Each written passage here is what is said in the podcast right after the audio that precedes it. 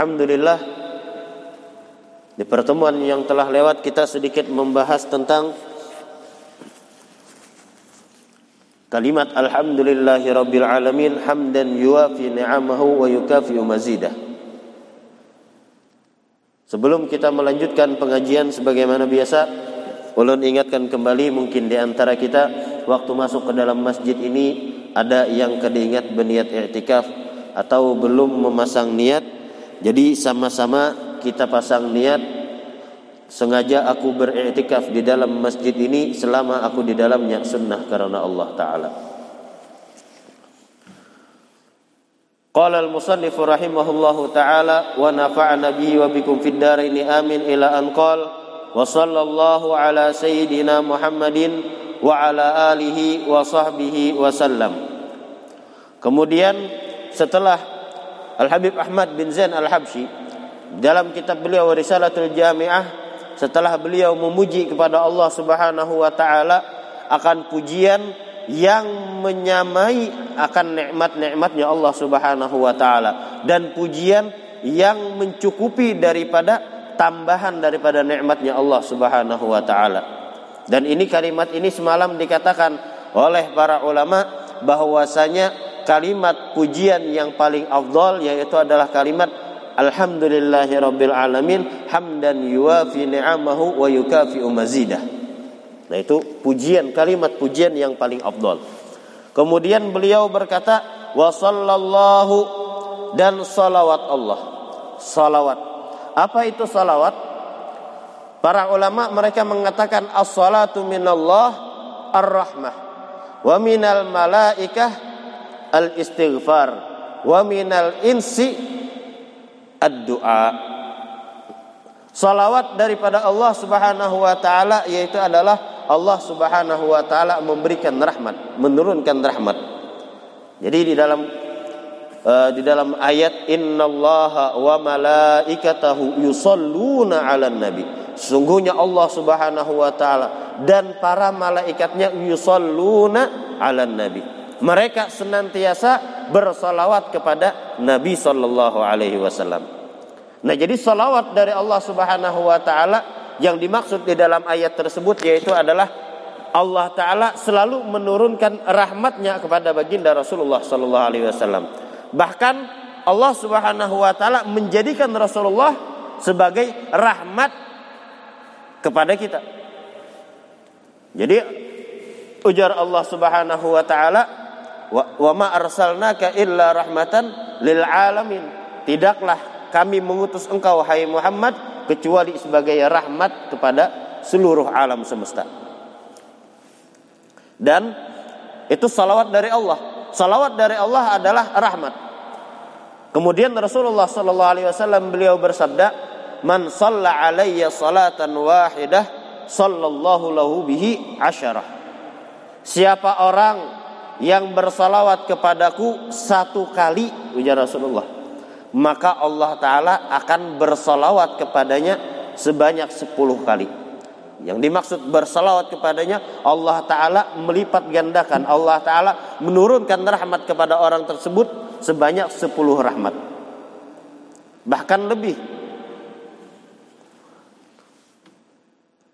Kemudian Wassalatu minal malaikah dan salawat daripada malaikat yaitu adalah al istighfar. Istighfar. Para malaikat selalu memintakan ampun, memintakan ampun kepada baginda Rasulullah wasallam. Yang terakhir wassalatu minal khalqi dan salawat daripada makhluk seperti kita manusia atau kaum jin yang bersalawat kepada Rasulullah maka itu artinya adalah ad-du'a at-tadarru wa doa. Yaitu adalah doa.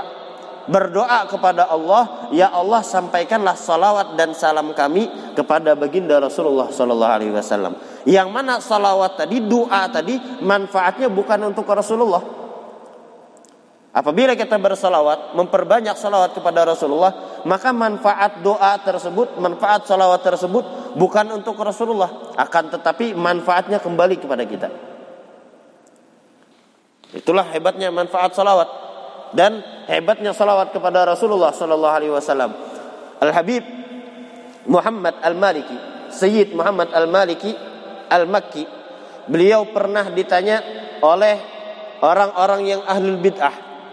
Orang-orang ahlul bid'ah mereka bertanya kepada Sayyid Muhammad Al-Maliki yang mana Sayyid Muhammad Al-Maliki ini beliau terkenal sebagai imam atau uh, sebagai ulama ahlu sunnah wal jamaah di, di zaman beliau. Bahkan pernah beliau dipanggil oleh salah satu pemimpin, salah satu pemimpin yang zalim, yang ahlul bid'ah. Dan ulama-ulama di situ, ulama-ulama ahlul bid'ah dihadapkan kepada beliau. Beliau dipanggil. Apa yang beliau bawa? Beliau bawa kain kafan. Beliau datang menghadap raja tersebut membawa kain kafan. Kenapa? Isyarat bahwasanya walaupun aku harus mati mengatakan kebenaran akan aku katakan. Walaupun raja. Walaupun raja. Makanya beliau siap membawa kain kafannya. Akan tetapi dengan haibahnya Al-Sayyid Muhammad Al-Maliki, raja yang asalnya murka, raja yang asalnya kada terima dengan pernyataan-pernyataan Sayyid Muhammad Al-Maliki tentang Ahlu Sunnah wal Jamaah yang mana raja tersebut adalah alul bid'ah. Berbeda pemahaman dengan Sayyid Muhammad Al-Maliki. Sayyid Muhammad Al-Maliki ulama ahlu sunnah wal jamaah. Raja bukan daripada ahlu sunnah wal jamaah. Pemahamannya berbeda. Ketika Sayyid Muhammad Al-Maliki mengatakan pemahaman ahlu sunnah wal jamaah begini begini begini, raja tidak terima. Dan ulama-ulama su, ulama-ulama ahlul bid'ah mereka juga tidak terima. Akan tetapi manakala melihat Sayyid Muhammad Al-Maliki masuk ke dalam ruangan yang mana di situ siap sudah para ulama ahlul bid'ah dan raja sudah siap. Raja itu tinggal berucap ujar raja mati bunuh maka dibunuh. Akan tetapi begitu melihat Sayyid Muhammad Al-Maliki masuk dari pintu luar masuk ke dalam hanya melihat Sayyid Muhammad Al-Maliki masuk raja itu sudah merasa haibah, wibawanya Sayyid Muhammad Al-Maliki membuat raja getar. Haibah itu wibawa. Sampai akhirnya raja raja pun mengakui bahwasanya beliau adalah ulama ahlu sunnah wal jamaah. Nah jadi Sayyid Muhammad Al-Maliki beliau pernah ditanya oleh ulama bid'ah, oleh ulama yang ahlul bid'ah, oleh seseorang yang ahlul bid'ah. Wahai Sayyid, apa yang digawi oleh Allah taala sekarang. Apa yang digawi oleh Allah Subhanahu wa taala. Maka Sayyid Muhammad Al-Maliki dengan santai beliau menjawab wajar sidin yang digawi oleh Allah Subhanahu wa taala yaitu adalah bersalawat kepada Rasulullah sallallahu alaihi wasallam.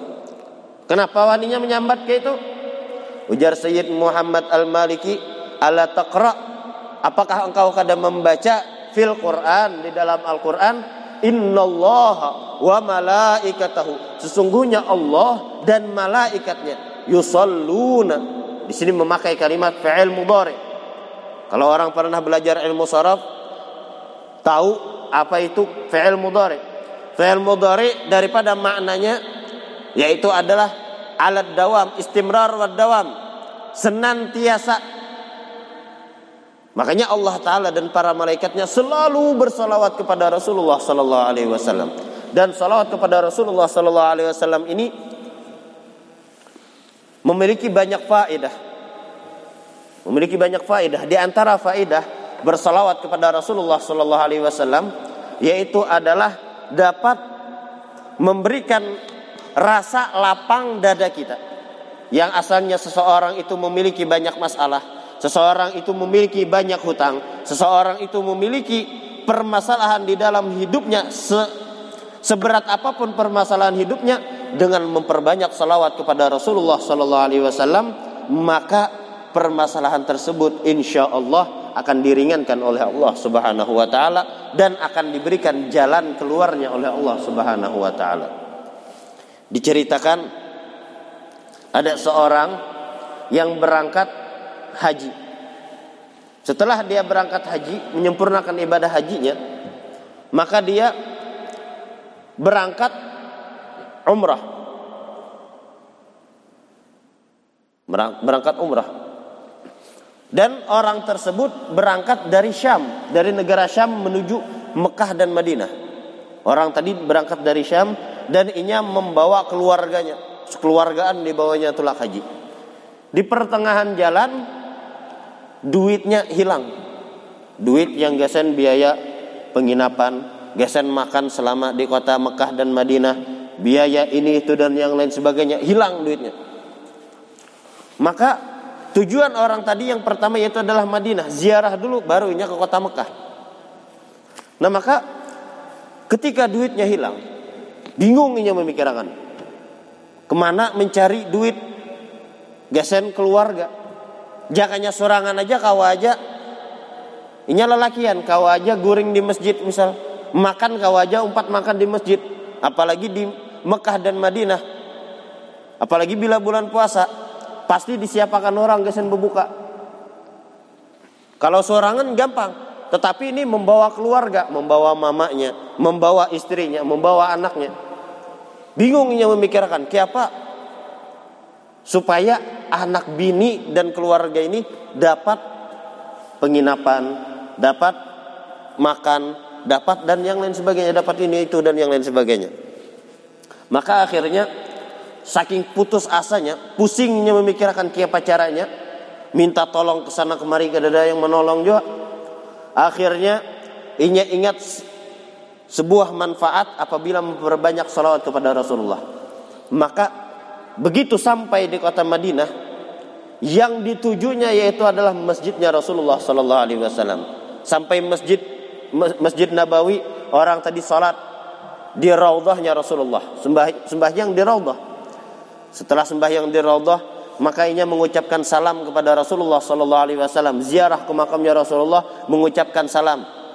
Assalamualaikum ya Rasulullah Assalamualaikum ya Nabi Allah Assalamualaikum ya Ya Assalamualaikum ya Sayyidul Mursalin Mengucapkan salam dan mengucapkan pujian-pujian kepada Rasulullah Dan orang tadi memperbanyak salawat kepada Rasulullah Sallallahu Alaihi Wasallam di hadapan makamnya Rasulullah. Maka setelah itu, setelah bersalawat, salawat, salawat, salawat, karena keuyuhan bekas di perjalanan, maka orang tadi teguring, teguring di makamnya Rasulullah tadi. Di dalam mimpinya, di dalam guringnya, ia bermimpi berjumpa dengan Rasulullah Sallallahu Alaihi Wasallam. Uh, mimpi berjumpa Rasulullah. Langsung hilang rasa sedihnya. Mimpi berjumpa Rasulullah langsung cium tangan Rasulullah. Begitu setelah cium tangan Rasulullah, maka ujar Rasulullah sallallahu alaihi wasallam, "Wahai fulan bin fulan, aku tahu permasalahan ikam. Duit ikam hilang di pertengahan jalan.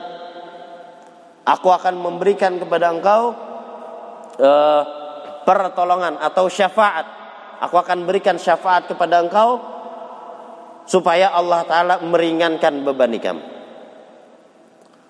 Ujar Rasulullah, wahai fulan, ikam kena datangi pintu nomor sekian. Pintu nomor sekian. Cari orang yang bernama Fulan bin Fulan. Misal cari orang yang bernama Allahumma salli ala Muhammad. Misal Salim misalnya atau siapa. Cari Fulan bin Fulan. Inya bertugas di pintu situ. Kemudian sampaikan salamku kepadanya dan katakan bahwasanya salawat inya, salawat dan salam daripada inya yang selalu diamalkannya setiap hari sebanyak seribu kali itu sampai kepadaku dan aku menjawab salam daripadanya. Setelah itu terbangun orang tadi. Hilang. Bangun guring langsung himungnya. Hilang rasa gundah gulana. Rasa sumpek di dalam hatinya. Rasa galau di dalam hatinya. Kenapa? Karena memandang wajah mulia baginda Rasulullah Sallallahu Alaihi Wasallam di dalam mimpinya. Berjumpa Rasulullah dapat menghilangkan rasa sedih di dalam hatinya. Jangankan berjumpa Rasulullah, seandainya kita cinta lawan seseorang, Lelakian cinta lawan bebinian, bebinian cinta lawan lelakian. Lagi galau-galau tuh melihat bebinian gitu atau melihat lelakian itu kayak apa rasanya? Hilang kalau lah himung melihat laki yang tadi, apalagi dirawanya. Apa kabar pian? Ah, nah hati itu himung benar. Itu apalagi berjumpa Rasulullah. Orang tadi berjumpa Rasulullah langsung hilang rasa sedihnya. Karena itu pikir lagi. Setelah itu ditujunya pintu yang ditunjuk oleh Rasulullah. Kan di Madinah tuh pintunya ada nomornya, ada 1, 2, 3, 4 sampai 41 pintu. Maka didatanginya pintu yang ditunjuk tadi. Datang ditakunnya lawan penjaga pintu. Di sini adakah namanya Fulan bin Fulan? Ujar yang menjaga pintu, Fulan bin Fulan, kami berkumpulan ini kedadanang di sini. Tapi orang nang ikam cari itu nah orangnya misal. Orangnya di situ itu nah orangnya lagi begawi itu. Maka didatanginya, ucapkannya salam. Assalamualaikum warahmatullahi Waalaikumsalam warahmatullahi wabarakatuh. Pian ialah Fulan bin Fulan. Ih, kenapa? Tadi ulun mimpi Rasulullah dan Rasulullah menyuruh ulun datang ke pintu sini mencari pian. Kenapa? Bahwasanya supaya mengucapkan ujar bahwasanya menyampaikan bahwasanya Rasulullah mengirimkan salam kepada Pian dan uh, Rasulullah mengucapkan salam kepada Pian dan uh, salawat yang Pian baca sebanyak seribu kali setiap hari itu sampai kepada Rasulullah dan Rasulullah menjawab daripada salam tersebut. Kemudian ujar Rasulullah sebutkan permasalahan aku. Jadi ulun ini ujarnya berisi masalah. Masalahnya ulun dan keluarga kehilangan duit dan ini, ini itu dikisahkan seberatan permasalahannya. Ujar orang tadi, stop. Ini perkataan, ini panderan kada pantas kita panderakan di sini. Ayo masuk ke kantor aku, masuk ke kantor. Nah, dibawa ke kantor. Sampai di kantor pulang.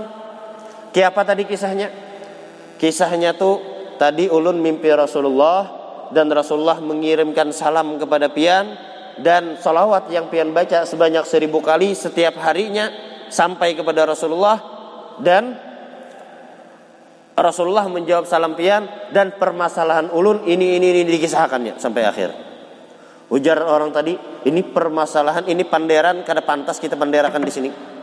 Ayo kita ke mobil. Masuk ke mobil. Dibawa ke mobilnya. Kayak apa tadi? Dikisahkan pulang kayak tadi.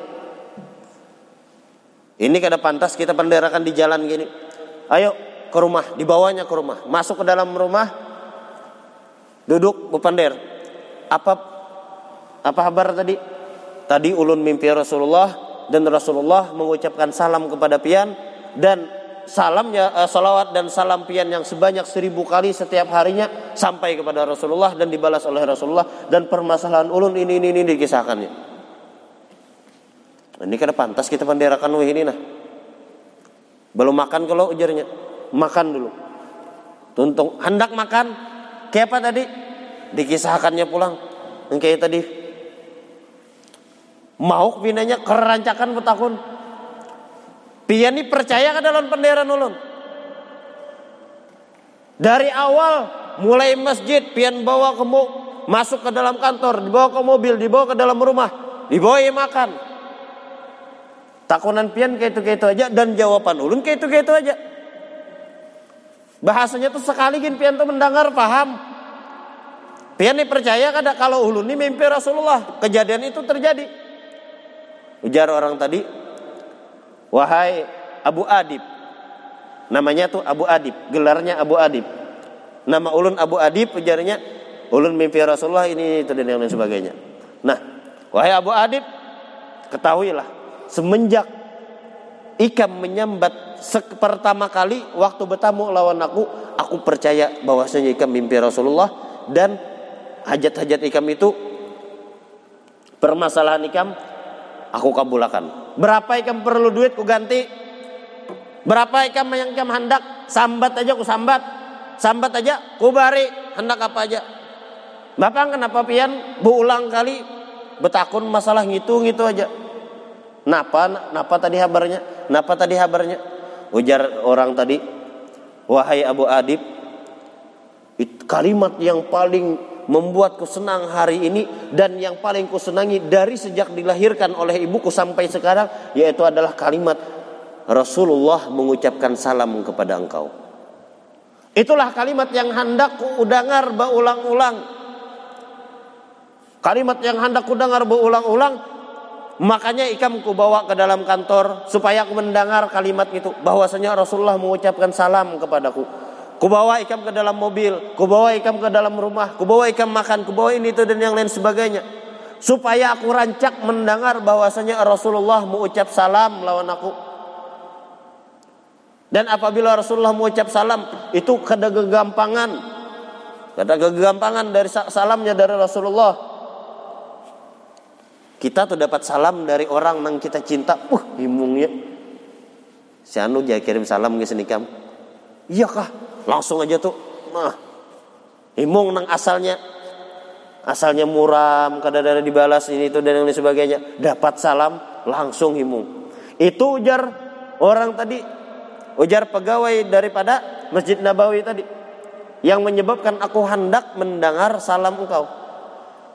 Adapun Pertama kali aku mendengar bahwasanya ujar ikam Rasulullah eh, salawat aku yang seribu kali sampai kepada Rasulullah itulah rahasiaku. Karena ada seorang pun yang tahu bahwasanya setiap hari aku bersalawat tahun Rasulullah sebanyak seribu kali. Kecuali Rasulullah Sallallahu Alaihi Wasallam yang sampai kepadanya salawat dan salamku. Semenjak aku mendengar itu aku percaya bahwasanya ikam mimpi Rasulullah. Ayo pian hendak napa ambil aja hendak duit berapa ulun bari perlu apa ulun kabulkan hajat pian berkat salawat kepada Rasulullah sallallahu alaihi wasallam dalam cerita lain riwayat lain ada seorang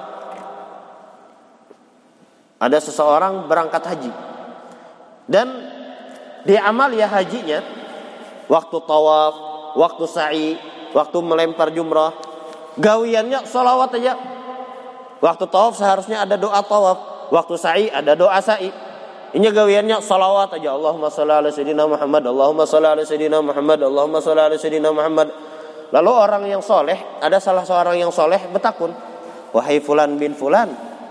Dari tadi ku dengar ikan basalawat aja. Dari tawaf, sa'i, melempar jumrah dan yang lain sebagainya. Gawian-gawian haji. Seberata nikah bersalawat. Kenapa? Oh jarang orang tadi wahai wahai laki-laki aku dengan salawat ini ada memiliki kisah. Apa kisahnya? Sebenarnya ujarinya aku lawan abahku berangkat haji ini. Tetapi di pertengahan jalan abahku ini garing. Dan garingnya sidin membawa sampai ke mati. Artinya meninggal di pertengahan jalan tadi. Dan Sidin meninggal di antara dua kampung. Di pertengahan kampung. Betarus lagi bahasanya tuh di sini di jalan trans. Di tengah hutan masih masih di tengah jalan. Bela Betarus hanya bertamu kampung. Bela Babulik jauh pada kampung. Akan tetapi permasalahannya di situ. Kenapa? waktu abahku meninggal ujarinya nang asalnya abahku tadi bakulit putih bisa nang asalnya normal berubah hirang seberataan lutung berubah hirang lutung abahku ujar inya abahku ni bilanya ku bawa ke kampung pacang ditakuni orang aku apa gawian sidin kenapa sidin ini bisa jadi kayak ini matinya matinya kada kada baik. Kenapa? Dan ini menjadi aib bagi aku. Bilanya aku kada minta tolong pulang lawan orang kampung ujarinya. Kiapa caranya aku menggawi surangan, memandi, mengkafani, menyembah yangi, menguburakan kada kawa juga. Lalu memikirkan siapa caranya supaya abah ini baburik pulang supaya kada menjadi aib. Bingung memikirkan bersandar sidin di bawah pohon bersandar di bawah pohon karena ada naungan pohon dan daripada kuyuhan musafir maka teguring. Teguring orang tadi begitu bangun eh, begitu beguring mimpi di dalam mimpinya ada seorang laki-laki yang berwajah tampan dan mengeluarkan cahaya. Datang beparak launinya kemudian setelah beparak launinya dibukanya bungkusan daripada muha abahnya tadi tutup daripada muha abahnya di, dibuka oleh laki-laki tadi dan disapu muhanya. Setelah disapu oleh laki-laki yang bercahaya tadi, maka yang asalnya hirang lutung berubah menjadi sedia kala, bebulik pulang normal. Maka ujar laki-laki tadi, "Wahai laki-laki, pian ini siapa yang telah menghilangkan daripada kegelisahan aku? Siapa pian ini? Yang membantu ulun ini siapa?" Ujar laki-laki yang bercahaya tadi, "Aku adalah Rasulullah sallallahu alaihi wasallam." Aku Rasulullah. Kenapa pian membantu ulun? Abah Hikam ini gawiannya kada senunuh bahasanya Semasa hidupnya Abah Hikam ini gawiannya banyak melanggar daripada perintah Allah. Banyak maksiat. Akan tetapi Abah Hikam ini berisi amalan. Apa amalannya? Setiap sebelum guring Abah Hikam ini bersalawat 10 kali. Sehari 10 kali aja bersalawat Rasulullah sebelum guring. Maka ujar Rasulullah tadi karena inya bersalawat kepadaku 10 kali sebelum guring tadi maka berhak baginya mendapatkan syafaat syafaat dariku maka ketika ikam dalam keadaan galau tadi aku datang memberikan syafaat supaya inya kawa dibantu terbangun orang tadi setelah terbangun ujarinya mulai sekarang aku berjanji kada hendak meninggalkan salawat di dalam hidupku. Jadi apa pun gawianku, aku selalu bersalawat kepada Rasulullah Sallallahu Alaihi Wasallam. Dan banyak lagi faedah daripada salawat kepada Rasulullah Sallallahu Alaihi Wasallam. Di antaranya salawat kepada Rasulullah Sallallahu Alaihi Wasallam. Barang siapa yang memperbanyak salawat kepada Rasulullah, maka nanti di akhir umurnya, di akhir umurnya Rasulullah Sallallahu Alaihi Wasallam akan hadir Ketika sakaratul maut, Rasulullah yang akan membimbing orang tersebut. Itu uh, balasan daripada orang yang memperbanyak salawat. Dikatakan oleh para ulama, sakitnya sakaratul maut itu ibarat kulit kita dikuliti hidup-hidup. Jangankan dikuliti hidup-hidup, lingsak sedikit aja kayak para saya padi Padih benar. Lingsak sedikit aja tuh. Ini kiapa rasanya dikuliti hidup-hidup. Itu orang yang sakaratul maut. Sakit benar. Akan tetapi apabila ketika orang tadi dalam sakit-sakit itu sakaratul maut itu maka dihadiri oleh Rasulullah apabila Rasulullah hadir kepada orang yang dalam keadaan sakaratul maut maka syaitan yang menggodanya berjauhan karena kawa menggoda. Apabila Rasulullah hadir ketika orang tadi sakaratul maut, sakit yang inya rasa insya Allah kada kada berasa lagi. Kenapa? Karena di, di, dikatakan di dalam Al-Quran manakala uh, manakala bibinian Mesir melihat Nabi Allah Yusuf alaihissalam kada merasa bibinian tadi menatak jarijinya Saking bungasnya Nabi Allah Yusuf alaihissalam. Itu hanya Nabi Allah Yusuf yang setengah daripada kebungasannya Rasulullah. Kebungasan Nabi Allah Yusuf cuma setengah daripada kebungasannya Rasulullah. Jadi ujar para ulama, apabila Rasulullah hadir ketika orang tadi sekaratul maut, maka ia kadang merasakan sakitnya, pedihnya daripada sekaratul maut tadi. Sebagaimana Nabi Allah Yusuf begitu masuk, masuk dari pintu sana, keluar dari pintu sana, para bibinian sekota Mesir, bibinian melihat Nabi Allah Yusuf, wa qulna hasya lillahi ma hadza basharan in illa malakun karim.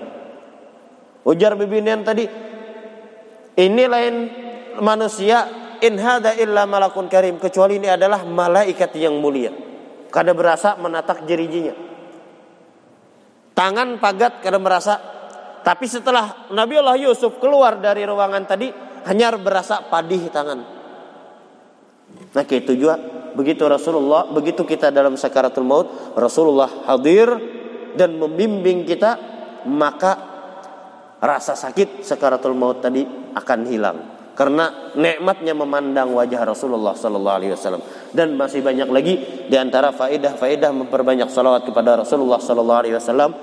Mudah-mudahan kita semua diberikan taufik dan hidayah oleh Allah Subhanahu wa taala untuk memperbanyak salawat kepada Rasulullah sallallahu alaihi wasallam. Mudah-mudahan Allah Subhanahu wa taala memberikan kepada kita taufik dan hidayah untuk melakukan perbuatan taat yang diridhai oleh Allah Subhanahu wa taala. Dan mudah-mudahan Allah Subhanahu wa taala memberikan rezeki yang halal lagi berkah dan melimpah kepada kita dan mudah-mudahan Allah Subhanahu wa taala mengumpulkan kita bersama orang-orang yang salihin. Kita semua dijadikan hamba-hamba yang salihin yang istiqamah yang selalu berbuat taat kepada Allah Subhanahu wa taala. Dan mudah-mudahan Allah Subhanahu wa taala mematikan kita semua dalam keadaan husnul khatimah ma'al afiyah.